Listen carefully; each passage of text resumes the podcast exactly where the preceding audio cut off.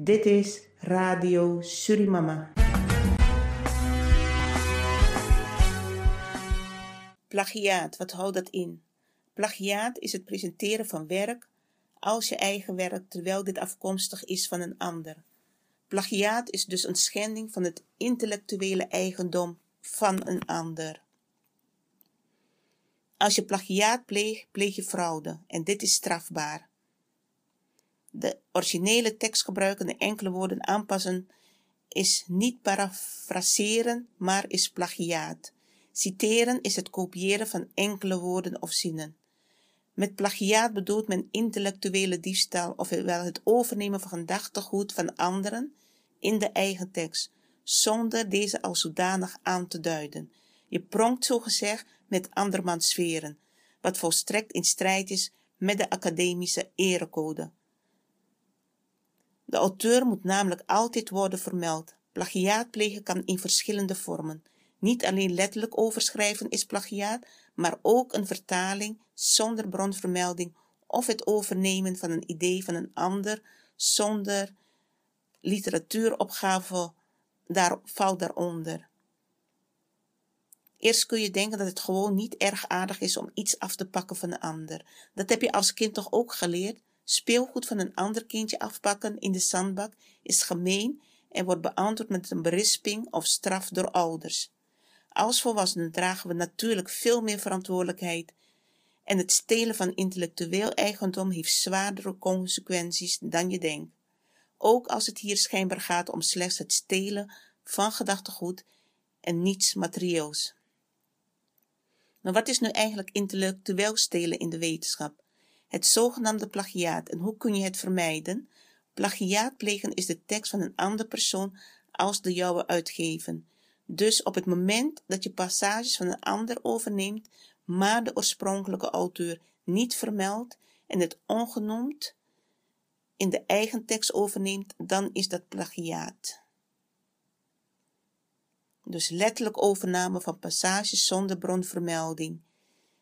Gebruik van citaten van een ander en uh, de oorspronkelijke gedachte van een ander door eigen formulering en als eigen werk uitgeven. Het overnemen van gedachtegoed en ideeën van een ander, zonder deze als zodanig van tevoren in te lichten of te vermelden.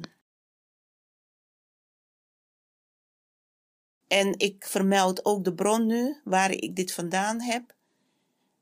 Over plagiaat, dat is www.bachelorprint.nl. En plagiaat komt veel voor onder studenten in de uh, studiewereld, universiteiten, etc. En daar wordt ook uh, streng op bewaakt. Dus mensen, als u zich aan plagiaat schuldig maakt, bezin voor gij begint. Ik wil even inhoudelijk nog weer ingaan op plagiaat betreffende Radio Surimama. En uh, daar wordt inderdaad veel van overgenomen, van onze uitspraken, van gedichten, van onze, ja, onze manier van werken. We zijn spiritueel gericht. En uh, mensen moeten weten dat ik niet zomaar dit doe. Ik ben er niet om mijzelf te verrijken. Ik ben er om gerechtigheid te krijgen. En toch gaan mensen op zo'n gemene manier eigenlijk aan het werk. Ik ben als enige zender voor de inheemse en zeg de kleurrijke samenleving, want daar richt ik me ook op, ben ik op Salto te, te horen, te beluisteren. Daarna zijn er zoveel Afro-Surinaamse zenders die in feite een groter bereik hebben. Men heeft geprobeerd de samenwerking ook tussen mij en mensen te verstoren. Dus men dacht van eerst, we gaan proberen die mevrouw weg te krijgen en uh, zeggen dat ze discrimineert en beledigend is naar de Afro-Surinaamse gemeenschap. Het is hun niet gelukt. Daarnaast heeft men via, weet ik veel, duistere praktijken, zou ik maar zeggen, uh, probeert men nog steeds de samenwerking tussen mij en andere mensen te verstoren. Want dan denken ze, dan houdt ze op. Het lukt hun ook niet. Want ik heb ze gezegd van ik werk niet alleen. Er is meer tussen hemel en aarde. En wat gebeurt er nog steeds? En dat is al vanaf het begin. Men neemt gewoon dingen van ons over. Men wil zich verrijken met mijn werk, met mijn geestelijke werk, mijn heilige geestelijke werk. Daar willen mensen zich mee verrijken. Ze zijn niet tevreden met zichzelf. Ze weten het niet. Ze weten niet hoe ze in feite, uh, waarover ze het soms moeten hebben. Dus deze mensen die zich daaraan schuldig maken, het grootste gedeelte van hun wil, willen ons ook niet horen, willen niets met ons te maken hebben. Maar daarnaast stelen ze wel het een en ander van ons werk. Ideeën, uitspraken, ze citeren ons, ze gaan met onze onderwerpen aan de slag. Ze gaan het plotseling hebben over de inheemse in uh, Suriname. Dus alles waarmee we bezig zijn, daar gaan ze zich mee bezighouden. Dus het is een soort uh, demonisch gedrag wat men vertoont. Demonisch crimineel gedrag. Ik zou deze boodschap ook willen meegeven aan de mensen die zich aan schuldig maken. Om dingen van ons te stelen, te jatten. Eigenlijk is het crimineel gedrag, ja. Wat u niet wil dat u geschiet, doe dat ook een ander niet. Dus blijf van andermans werk af. Blijf van mijn werk af. Het is niet zomaar dat ik dit doe. Het is al van misschien jarenlang, eeuwenlang al gepland dat ik dit werk zou doen. Dus heb respect. Ik vraag u, heb respect voor mij als persoon. Heb respect voor mijn werk. Ik dwing respect af. Ik weet hoe ik praat. Men kan gaan kijken op uh, internet, gaan screenen of men wat van mij vindt, wat niet klopt. Men gaat nooit iets vinden, men gaat niets vinden. Want ik vind als je over bepaalde dingen praat, aan rechtvaardigheid werkt, dan moet jij zelf ook het goede voorbeeld zijn voor de samenleving en voor de mensen uh, waar je iets voor wil betekenen. En ook voor kinderen en jongeren. Ik ben niet alleen bezig recht te halen voor de inheemse of recht te krijgen, maar ik ben ook altijd bezig geweest uh, in het belang van jongeren, van kinderen. Ik beschik over bepaalde inzichten, levensinzichten op diverse gebieden en daar wil ik mijn bijdrage aan leveren. Om iets te kunnen betekenen in de samenleving. Maar ik wil niet in de glamourwereld. Ik wil mensen niet voor de gek houden. Ik ben er niet om mezelf te verrijken, om grote huis te kopen en uh, weet ik veel hoeveel keer per, jaar te reizen. Nu kan het niet natuurlijk met die corona, maar daar ben ik niet voor. Dus ik vraag de mensen, heb respect. Blijf van mijn werk af. Uh, weet dat ik ook heel wat voor heb moeten doen. Dat het niet allemaal naar mij toe gekomen is. Ik ben van een vrouw die vanuit principes leeft. Die vanuit moraal leeft. En dat is mijn kracht. Ik heb ook geen prettige kinderjaren gehad. Ook vele nare dingen meegemaakt als kind. En later in mij leven. En toch ben ik sterker uitgekomen waardoor ik dit nu mag doen. Dus nogmaals, heb respect. Een aantal luisteraars uh, kennen mij, die weten ook uh, dat ik met hun samengewerkt heb. Wat ik niet, wat ik allemaal heb moeten ervaren aan onrecht. Ook in Zuidoost heb ik gewerkt en heel veel onrecht daartegen gekomen als mens. En nu ben ik op een stoel gezet, waardoor ik mijn werk mag doen. En dan nog heb ik mijn rust niet. Ik mag zelfstandig werken en toch zitten ze te roeten en te doen. Sorry hoor, maar ik zeg ook van. Ik heb de meeste narigheid maak ik met mensen van Afro-Surinaamse afkomst mee. En ik weet niet waarom, waar dat aan ligt. Accepteren jullie niet iemand die een lichtere huidskleur heeft dan jullie? Die misschien geen kroeshaar heeft? Ik weet niet wat het is, maar ik weet ook dat in jullie, in jullie eigen gemeenschap mensen discrimineren die andere visie op nahouden. Die vanuit, uh, meer vanuit eerlijkheid leven. Die niet kunnen toestaan als iemand bedriegelijk bezig is. Maar ook in jullie gemeenschap kunnen jullie die mensen niet uitstaan. Die mensen die ons promoten, supporten. Ga door, want u spreekt de waarheid.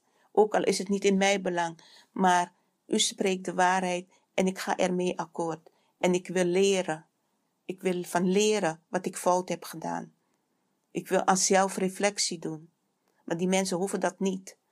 Want ze hebben niks verkeerds gedaan. Ze zijn het mee eens wat ik zeg, dat ik over de waarheid praat. Ze zijn niet mee eens dat mensen jaloers zijn, dat mensen begeerig zijn, dat mensen ons kapot proberen te maken. Dat mensen boos op ons zijn, dat vinden ze ook niet goed. Ze vinden het ook niet goed dat mensen dingen van ons overnemen over spiritualiteit, over spirituele genezing. Als we praten over moeder aarde, over de wind, de maan, de sterren, het universum, dat mensen dat plotseling ook in hun programma's over gaan hebben, terwijl ze dat niet gedaan hebben. Of nooit over gehad hebben.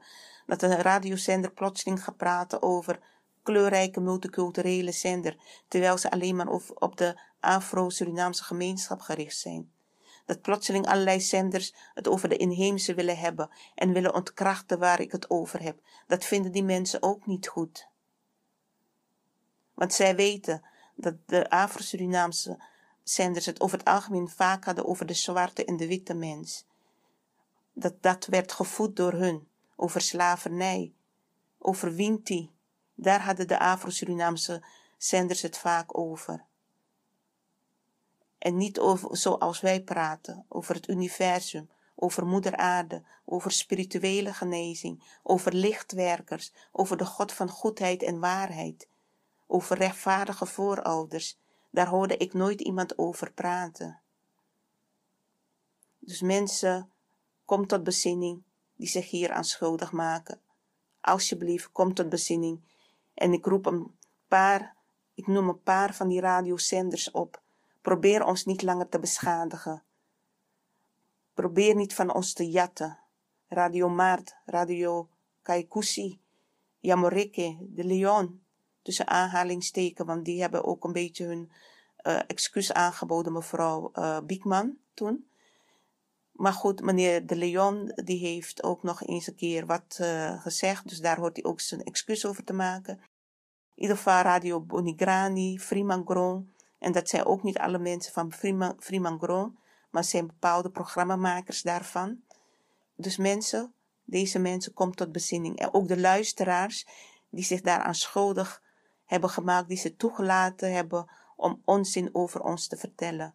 Reinig uzelf, kom tot bezinning en bied uw excuus aan aan Radio Surimama. En aan mij als persoon, Joanita. Of Jonita.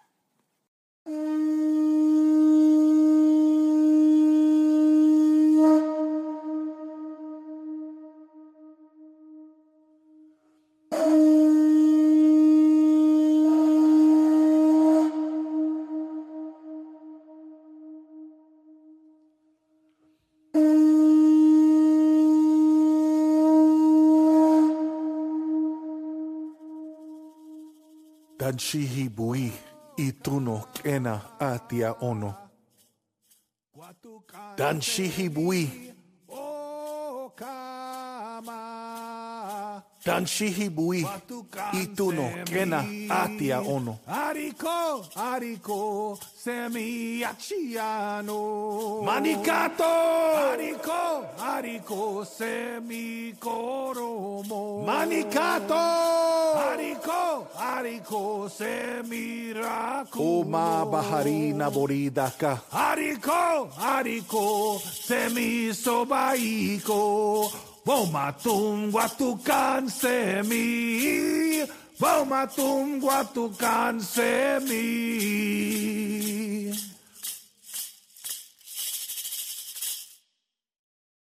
De Taino, oorspronkelijke bewoners van de Caraïben. Ooit, voor de Cubanen zich Cubanen noemden, kenden we de bewoners van het eiland als Taino. Maar wie waren die Taino? En hoe leefden ze? En waar zijn ze dan nu gebleven? We gaan even na hoe de eerste Cubanen leefden en wat hun invloed is geweest op de huidige Cubaanse, alledaagse realiteit op het eiland, en zelfs daarbuiten. Wie waren de Taino? Toen Columbus in 1492 na een wekenlange zeereis Plotsland ontdekte, zette hij voet aan wal op een van de eilanden die nu bij de Bahama-eilanden behoort. Na enige tijd voer hij met zijn manschappen verder en landde op het huidige Cuba. Hij trof er een inheemse bevolking aan die we gaandeweg als Taino gingen bestempelen, een tak van de Arawak-Indianen die op veel plaatsen in de Caraïben woonden, meer bepaald op de Bahama's, de Maagdeneilanden, de Grote Antillen, Cuba. Hispaniola, Jamaica en Puerto Rico, en de noordelijk gelegen kleine Antillen, bijvoorbeeld Guadeloupe en Estée Maarten. Oorspronkelijk waren ze afkomstig uit de Orinoco-delta in het huidige Venezuela, waar ze in verschillende riviergemeenschappen leefden. Daar kende men deze stam als Arawak. Tegen de 15e eeuw en de komst van de Spanjaarden hadden die voorouders van de Taino zich ontwikkeld tot een zeevarend volk dat een hele reeks eilanden bevolkte die zich in een soort eivorm uitstrekte van de Venezolaanse kust tot aan Florida. Daar versmolt hun eigen cultuur met die van de reeds hier en daar aanwezige andere stammen en vormde zo de basis voor het ontstaan van een nieuwe cultuur die men Taino ging noemen. Zelfs na de komst van deze oorspronkelijke Arawak-stam bleven ook nog andere bevolkingsgroepen de Caraïbische eilanden bevolken. Op Cuba bewoonden de Taino vooral het oostelijk deel van het eiland, terwijl westelijk Cuba vooral door de Guanahatabey en Siboney inheems bevolkt werd, op hun beurt wellicht komende van Yucatan of Florida, en in de zuidelijker gelegen kleine Antillen woonden vooral de beruchte Carib inheems. Deze laatste waren heel oorlogzuchtig en dreven de Taino, of Arawak in het algemeen, steeds verder noordwaarts en westwaarts. Ze stonden er ook voor bekend hun slachtoffers te consumeren, en die antropofagie zorgde er zelfs voor dat ze hun naam, in lichtjes verbasterde vorm, leenden voor menseneters in het algemeen, kannibalen van het Spaanse Caribales. Na de diaspora van de Arawak en het ontstaan van de nieuwe Taino-cultuur hadden de Taino hun, laten we zeggen, centrum geïnstalleerd op het eiland Quisqueya of Haiti Bohio. Thuis, later door Columbus herdoopt tot Hispaniola, het huidige Haiti en Dominicaanse Republiek. Hun hele gemeenschap, verspreid over de verschillende Caraïbische eilanden, was georganiseerd in Casicaschos, zelfstandige gemeenschappen, een soort mini-staatjes, telkens onder leiding van een cacique, hoofdman in de taal van de Taino, later overgenomen door de Spanjaarden om elke hoofdman in de nieuwe wereld te benoemen. Deze casicaschos waren in zekere zin een beetje vergelijkbaar met de stadstaten die de Maya's op het Centraal-Amerikaanse vasteland hadden uitgebouwd. Er zouden in totaal in de Caraïben tientallen dergelijke casicaschos geweest zijn en schattingen leggen het totaal aantal Taino-inheemse bij de komst van de Spanjaarden op zo'n 6 miljoen, cijfer van broeder Bartolome de las Casas, of eerder 300 à 400.000, cijfer dat door moderne wetenschappers gebezigd wordt. Elke cacique had dan ook een vrij groot territorium onder zijn hoede en de handel tussen de verschillende eilanden en Casicaschos was, naar men aanneemt, vrij uitgebreid, het waren goede zeevaarders. Toen Hernán Cortés, conquistador van Mexico, in 1519 op het schiereiland Yucatan kwam, vond hij ook daar bijvoorbeeld Taino-vrouwen. De komst van de Spanjaarden in de 15e eeuw maakte al heel snel een einde aan deze vrij bloeiende cultuur. Ziektes die met de Spanjaarden meereisden en waartegen de inheemse bevolking niet bestand was, waren een eerste en belangrijkste oorzaak. De eerste geregistreerde pokkenepidemie op Hispaniola bijvoorbeeld was in 1518.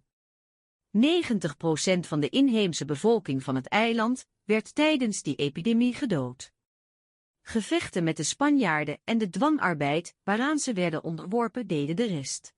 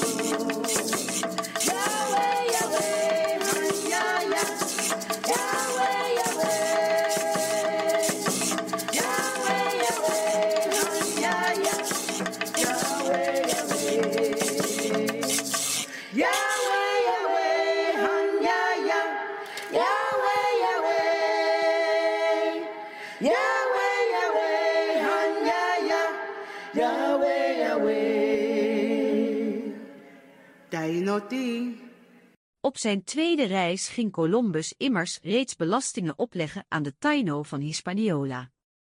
Een bepaalde hoeveelheid goud moest elke drie maanden afgeleverd worden door elke volwassene ouder dan 14 jaar. Kon men dit niet, dan werd verwacht dat er een hoeveelheid gesponnen katoen werd afgeleverd. Ontbrak ook dit, dan hakte men de handen van de inheems af en liet hen doodbloeden. Verschillende kakikes kwamen hiertegen in opstand, echter zonder heel veel succes. Een van die hoofdmannen, Hetjui, vluchtte uit Hispaniola naar het naburige Cuba, samen met 400 volgelingen, en organiseerde daar verder het verzet. Hij werd uiteindelijk in 1512 op de brandstapel gezet. Een buste van de man staat vandaag de dag te prijken voor de kerk van Baracoa in het oosten van Cuba. Het dagelijkse leven bij de Taino. De Taino-inheems lieten geen hoogstaande architectuur achter, zoals datgene wat we kennen in Centraal-Amerika of het Andesgebied, maar desalniettemin waren de Taino georganiseerd en hadden ze hun eigen herkenbare cultuur ontwikkeld. Om te beginnen zou de Cubaanse revolutie ook toen al van pas zijn gekomen, want ook toen al kende de Taino een twee-klassenmaatschappij. De bevolking was er verdeeld in een groep, Naborias, de gewone bevolking, en een groep, niet-Tainos, de adel. Aan het hoofd van elke Taino-gemeenschap stond, zoals reeds aangegeven, een hoofdman of kaciek. De kakikes werden bovendien bijgestaan door een soort priesters of genezers, de bohiks. Deze klasse van hoofdmannen genoot een aantal voorrechten. Alleen zij mochten gouden sieraden dragen, alleen zij woonden in rechthoekige woningen, bojo's genaamd, terwijl de gewone bevolking in de zogenaamde kennies woonde, cirkelvormige woningen of hutten die rond een centraal plein in het dorp werden opgesteld, en alleen zij zaten op een soort houten stoelen. Duo genaamd, om zo hoger te zitten dan hun publiek. De Taino leefde vooral van landbouw, vruchtenpluk, visvangst en wat jacht, dat laatste minimaal, gezien het gebrek aan grote zoogdieren op de meeste Caraïbische eilanden. Het waren daarbij vooral de Taino-vrouwen die bedreven waren in landbouw, mannen gingen voornamelijk vissen en jagen. Visnetten werden gemaakt van katoen en van palmbladeren, hun kano's, uitgeholde boomstammen, konden gemiddeld plaats bieden aan 15, 20 personen, maar soms ook tot 150 personen. Jacht werd bedreven met pijl en boog, en ze kenden daarbij ook het gebruik van giftige pijlpunten. Een belangrijk deel van hun dieet werd gevormd door cassave of yucca-wortels, soort maniok. Deze wortelstok is in principe giftig maar de Taino slaagde erin het giftige sap uit de wortels te persen en daarna de yucca-wortel tot bloem te verwerken. Hiermee bakten zij een soort plat brood of grote pannenkoeken, ook nu op Cuba in bepaalde regio's nog gemaakt en cassave genoemd. Het giftige sap lieten ze goed doorkoken totdat wat overbleef kon gebruikt worden om taai vlees te verzachten. Men noemde dit kassareep. Voor de teelt van deze yucca-wortels ging men speciaal opgehoogde akkers aanleggen, conucos, die moesten zorgen voor minder erosie, een betere vruchtbaarheid van de bodem en een langere houdbaarheid van de wortels in de grond. Andere gewassen werden verbouwd op stukken grond die men won op de jungle, volgens de slash-and-burn-techniek, roofbouw. Een ander belangrijk onderdeel van het Taino-dieet was mais, maizi. De Taino kookten de kolven en aten de maiskorrels van de kolf af, in tegenstelling tot het gebruik op het Centraal-Amerikaanse vasteland, waarbij de maiskorrels meestal vermalen worden tot meel om er maisbrood van te bakken, of tortilla's. Dit maisbrood kon immers minder tegen het vochtige klimaat op de Caraïbische eilanden dan hun cassavebrood. Ook pepers werden veelvuldig gebruikt en later door de Spanjaarden mee naar Europa genomen, als zijnde vervangproducten voor de zwarte peper, kaneel en kruidnagel die men uit het Verre Oosten invoerde. Deze basisingrediënten werden aangevuld met andere groenten als kalebas, zoete aardappel, batata of bonen, pindanoten, fruit, vis en wat vlees. Gezien er geen grote zoogdieren op de eilanden te vinden waren, kwam het vlees van kleinere dieren als de jutsia, boomrat, leguanen, schildpadden, aardwormen, salamanders, papegaaien enzovoort. Ook de manatee, zeekoe, werd bejaagd en geconsumeerd.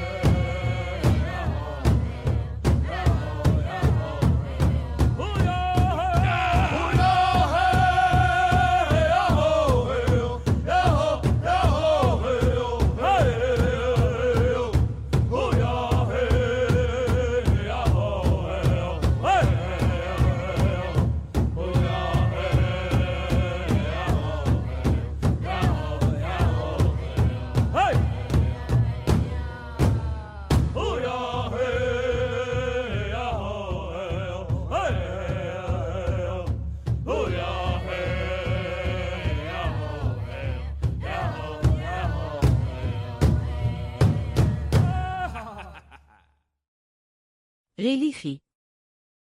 De Taino aanbaden verschillende zeemis of semi, zijn de goden, geesten, voorouders. Veel zeemis waren elk verantwoordelijk voor een heel specifiek iets in het dagelijkse leven van de Taino en werden daar ook mee vereenzelvigd, een beetje zoals de goden van de Griekse oudheid. Zo bijvoorbeeld waren de belangrijkste zeemis of goden, Yukahu en Atabai, respectievelijk de god of geest van cassave, belangrijkste voedsel voor de Taino, en de zee. Atabai, de moeder van Yukahu, was de godin van de vruchtbaarheid en de rivieren en meren. Wie zich een klein beetje verdiept in de orishas van het Cubaanse Santeria-geloof, ziet hier zeker een aantal parallellen. Van een aantal van deze goden slash geesten maakte de Taino afbeeldingen. Deze representaties, beelden of tekeningen, werden eveneens zeemis genoemd. Veel van deze afbeeldingen zijn later teruggevonden. Ze werden gemaakt uit steen, been, schelpen, keramiek en zelfs katoen. Zemi. Petroglyphen werden eveneens teruggevonden op uiteenlopende plaatsen, zoals rotsen in rivieren, balspelvelden of stalagmieten in grotten. Ook op de Konukos, verhoogde akkers, werd heel vaak een zemi geplaatst van de god Yukahu, om zo meer opbrengst af te smeken. De zemis werden vaak afgebeeld als padden, schildpadden, slangen, abstracte of mensachtige figuren. Lichaamsversiering maakte bij de Taino ook deel uit van hun religieuze beleving. Mannen hadden vaak decoratieve tatoeages op het lichaam, vrouwen hadden meestal piercings. Hoe hoger de tatoeage of de piercing op het lichaam werd aangebracht, hoe dichter ze zich bij hun goden konden voelen. Kunst en gewoontes Een gebruik dat onmiddellijk in het oog sprong toen de Spanjaarden de Taino ontmoetten, was een snuifritueel waarbij bepaalde stoffen via de neus werden geïnhaleerd. Men gebruikte daarvoor kleine schaaltjes, buisjes, soms met twee uiteinden voor in elk neusgat, en een soort hallucinogeen poeder, gemaakt van de zaden van een specifieke boom, Piptadenia. Zij noemden dit poeder cohoba. Andere bronnen beweren dat het hier ging om het gebruik van tabak en dat het ritueel sikar werd genoemd. Sikar werd door de Spanjaarden verbasterd tot sigaar, en een van de bekendste Cubaanse sigaren vandaag de dag kreeg de naam Cohiba mee, afgeleid van cohoba. Verschillende zeemis, beeldjes, werden ook teruggevonden met een dergelijk schaaltje dat zou gebruikt zijn om het poeder op te leggen en zo het snuifritueel uit te voeren. De bedoeling was in trance te raken en zo in contact te komen met de zeemis. Soms ging men hiervoor ook vasten of zichzelf doen overgeven, dit alles om het lichaam eerst te reinigen, alvorens de goden te benaderen. Tijdens deze rituelen werd ook brood gedeeld en verdeeld, eerst aan de zemi, dan aan de kassiek, en dan aan de rest van het volk. Parallellen met de communie bij de christenen zijn niet uit de lucht. De Taino speelden ook een balspel, genaamd Betty, en ze deden dit op speciaal aangelegde velden die eveneens Betty werden genoemd. Twee teams van 10 tot 30 spelers gebruikten een kleine, maar zware, rubberen bal die ze met enkel de heup, de elleboog en het hoofd in de lucht moesten zien te houden. Het spel en de speelvelden die er vaak aan de randen van een casicasco voor werden aangelegd doen heel sterk denken aan de balspelterreinen van de Maya's in zuidelijk Mexico, onder andere Yucatan en Guatemala. Heel vaak werden de spelen opgezet om een conflict tussen gemeenschappen uit te vechten of op te lossen. Vaak werd er ook gegokt op de uitslag van een dergelijke wedstrijd. De Spanjaarden zagen hier voor de eerste keer het gebruik van rubber, en dachten dat het om een bal met magische krachten ging toen ze die vanzelf zagen terugkaatsen. De elastische capaciteiten van het goedje werden in de correspondentie met Spanje ook sterk overdreven. Invloed op de huidige realiteit op Cuba en andere Caribische eilanden, en zijn er nog Taino. Blijft er vandaag de dag nog iets over van die Taino of hun cultuur? Immers, de meeste bronnen stellen dat de Taino op 50 jaar tijd, tussen 1492 en 1540, gereduceerd werden tot een fractie van de oorspronkelijke bevolking. Taino calling song, calling of the twelve semis.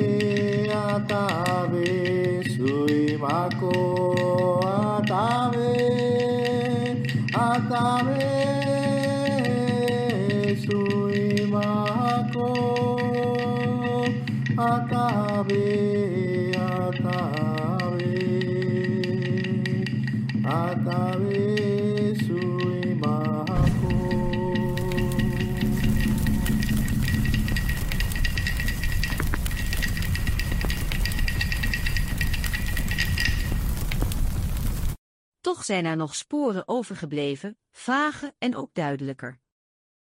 Om te beginnen in de taal, of preciezer, de woordenschat van veel volkeren die heden ten dagen in de Caraïben wonen. Woorden als hamaca of hammock in het Engels, barbacoa of barbecue, tobacco of tobacco tabak, kayo ki in het Engels, eiland, canoa of kanu kano, huracan of hurricane, meze, alle zijn ze afkomstig uit de taal der Taino. Ook de termen waarmee de Taino hun huizen benoemden, Bohio en Kenny, worden vandaag de dag nog steeds gebruikt op Cuba voor huizen op het platteland. Maar ook hun culinaire gewoontes en vooral daarbij het gebruik van specifieke knollen en gewassen verspreiden zich over het hele gebied en soms zelfs nog verder buiten. Mais, een van hun basisingrediënten, raakte zelfs wereldwijd ingeburgerd. Ze leerden ons ook andere zaken kennen zoals de ananas, pindanoten, zoete aardappelen, yuca, maniok, chilipepers, sarsaparilla. Een gerecht als Jamaican jerk, bijvoorbeeld, is niets meer of minder dan een Taino-methode van vlees bereiden dat toentertijd door de Taino barbacoa genoemd werd, uiteraard verbasterd tot onze huidige barbecue. Ook de cassave pannenkoek wordt op Cuba in bepaalde regio's nog steeds gemaakt. Bovendien claimen verschillende mensen, meer en meer, op verschillende eilanden Taino-wortels te hebben. Er ontstaat zowaar een groep die hier speciaal de nadruk op wil leggen en zichzelf echt opnieuw volledig als Taino gaat bestempelen, om zo de cultuur en het erfgoed van de Taino te behoeden voor een totale verdwijning. Zij proberen om de gewoontes en tradities van hun voorouders levendig te houden, hoewel heel vaak niet meer alles zo duidelijk is en gewoontes van andere inheemse groepen, bijvoorbeeld uit Noord-Amerika, vermengd raken. Denk daarbij aan groepen op Puerto Rico die zich Taino noemen. Ook op Cuba, met name in het uiterste oostelijke deel van het eiland, bestaan nog geïsoleerde groepjes Taino. Alejandro Hartman Matos Historicus van Baracoa en Cuba's autoriteit op vlak van de oorspronkelijke bewoners, stelt het heel eenvoudig. Iedereen die spreekt over de verdwenen Taino, heeft niet alle elementen goed bekeken. Hartman voert al jaren, sinds 1989, onderzoek naar de oorspronkelijke eilandbewoners en ging daarbij op zoek naar afstammelingen van de eerste bewoners. Gebaseerd op zijn onderzoek stelt hij dat er op Cuba nog minstens 5000 inheemse mensen overblijven, en dat wellicht verschillende honderdduizenden mensen inheemse wortels hebben. Inheems duiken op in documenten en kronieken in onze hele geschiedenis, zo stelt Hartman. Inheemse groepen stichtten de stad Jiguani in 1701 en vormden het volledig inheemse Hetui-regiment tijdens de Cubaanse onafhankelijkheidsoorlog tegen Spanje in 1895. José Marti vermeldde heel regelmatig inheemse mensen in zijn dagboek. Mark Harrington, een Amerikaanse archeoloog die in 1915 en 1919 veldwerk uitvoerde op Cuba, vond verschillende groepen inheemse bevolking die toen nog steeds in oostelijk Cuba woonden. Hij werd gevolgd, in de jaren 50, 60 en 70, door antropologen die tijdens onderzoeken in de regio heel duidelijk sporen vonden bij de Cubanen van het skelettype van de Taino inheems, van het bloedtype en van andere fysieke kenmerken. Dus, als je het verleden goed bekijkt, al dus Hartman, dan is het duidelijk dat de inheems nooit volledig verdwenen zijn van het eiland. Wie anders beweert, weet niet waar hij over praat. Maar hoe zit het dan vandaag de dag? Hartman is categoriek, kijk maar rond. Overal in oostelijk.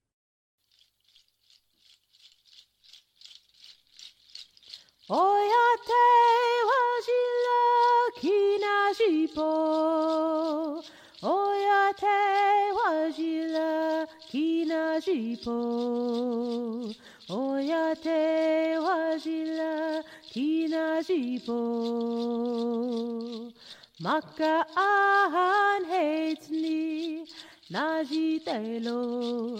Makka'an hetni Maka Makka'an hetni najitelo. Hey, hey, yeah.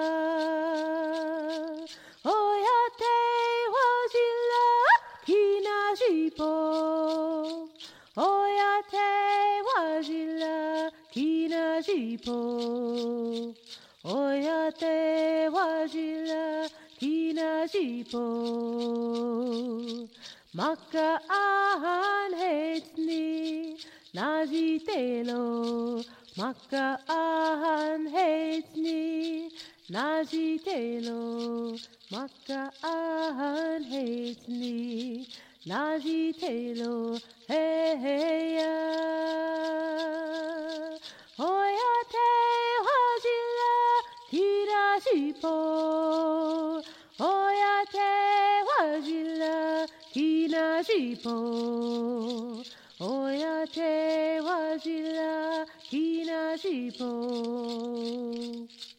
Nach der Ahrenheit nie n'agitez l'eau, makra ahar hetni, n'agitez l'eau, makra ahar hetni, n'agitez l'eau, he hoyate ki hoyate ki. Oya te wajila kina jipo. Maka ahan hetni naji telo. Maka ahan hetni naji telo. Maka ahan hetni naji telo. Hey, hey, yeah.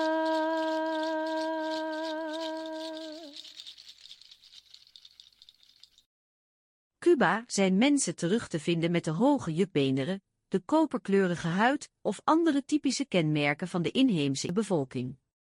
Uiteraard raakte de Taino-bevolkingsgroep vermengd met Europese en Afrikaanse groepen, maar toch zijn er verschillende mensen in Oost-Cuba die zich ook vandaag nog met trots inheems noemen, bijvoorbeeld bij Playa Duaba, niet zo ver van Baracoa of Quirito. Ze onderhouden de oude tradities, leven van de omringende natuur, planten en dieren, bidden voor kracht tot de maan en de zon, verzamelen wilde planten en bepalen de tijd zonder klokken of uurwerken.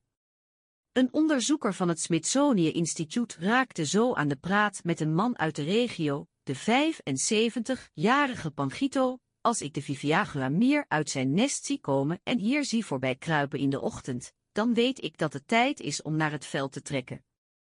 Als de chipoyo, hagedis naar beneden kruipt uit de palmboom om wat water te drinken, dan weet ik dat het middag is.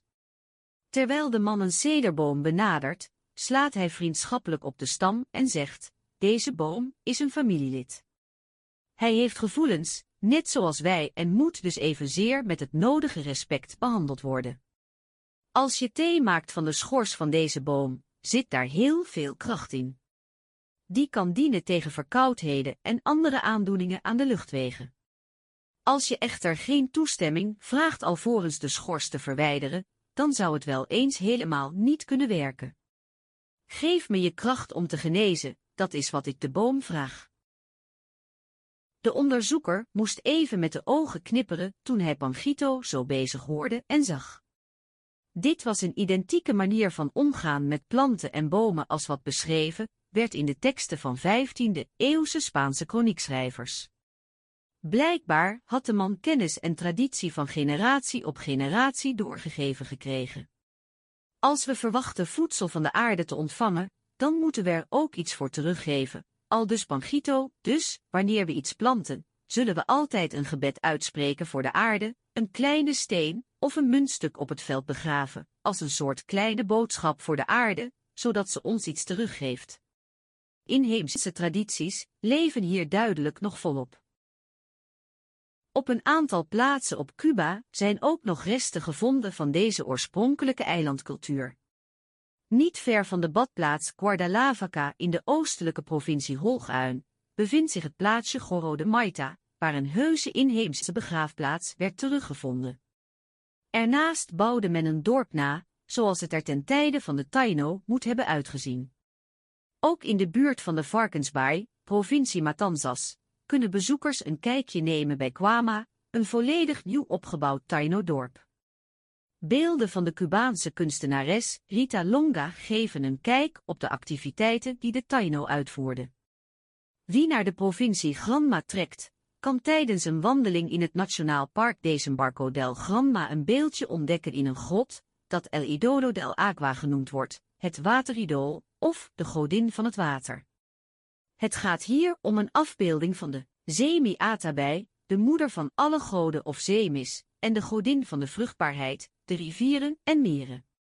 Het beeldje is deels natuurlijk gevormd, stalagmiet, en vermoedelijk deels bewerkt door de lokale bewoners. Wie goed kijkt kan een sluier over het hoofd van het beeldje ontdekken. Sommigen menen dan ook dat dit beeldje pas na de komst van de Spanjaarden zou gemaakt zijn, of althans aangepast. De sluier zou immers refereren aan de Maagd Maria.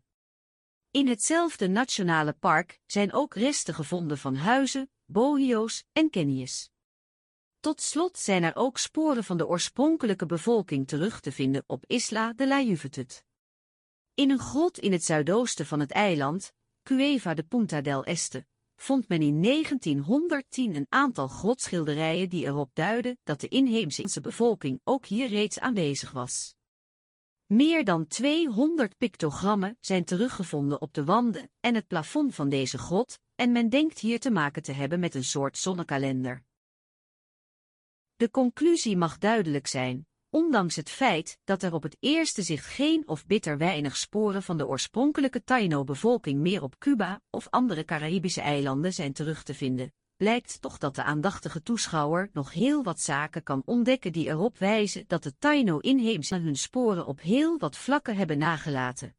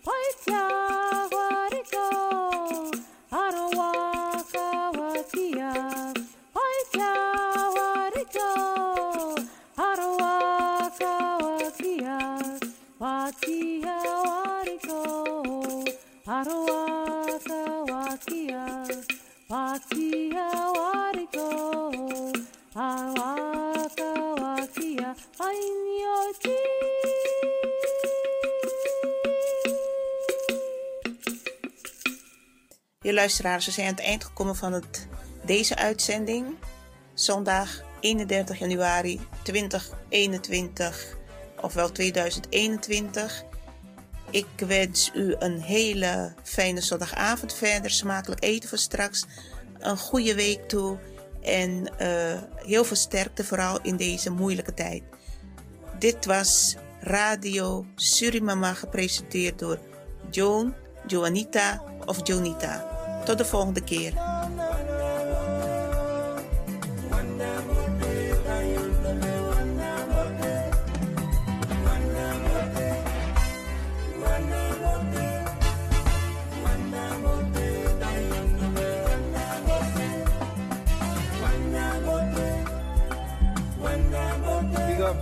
Wayang Studio, Mamboy, Segi Empress, big up you too.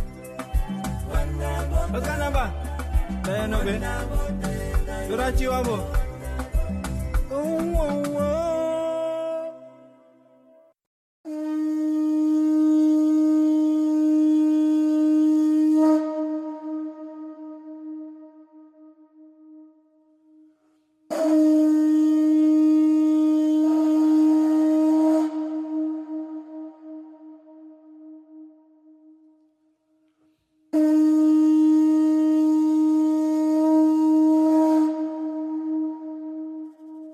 Kanaba dayo nobe. Raju suri mama. Harahu makwa. Kanaba. Fareto jako. Loko nobe. Raju suri mama. Kanaba. Osabo.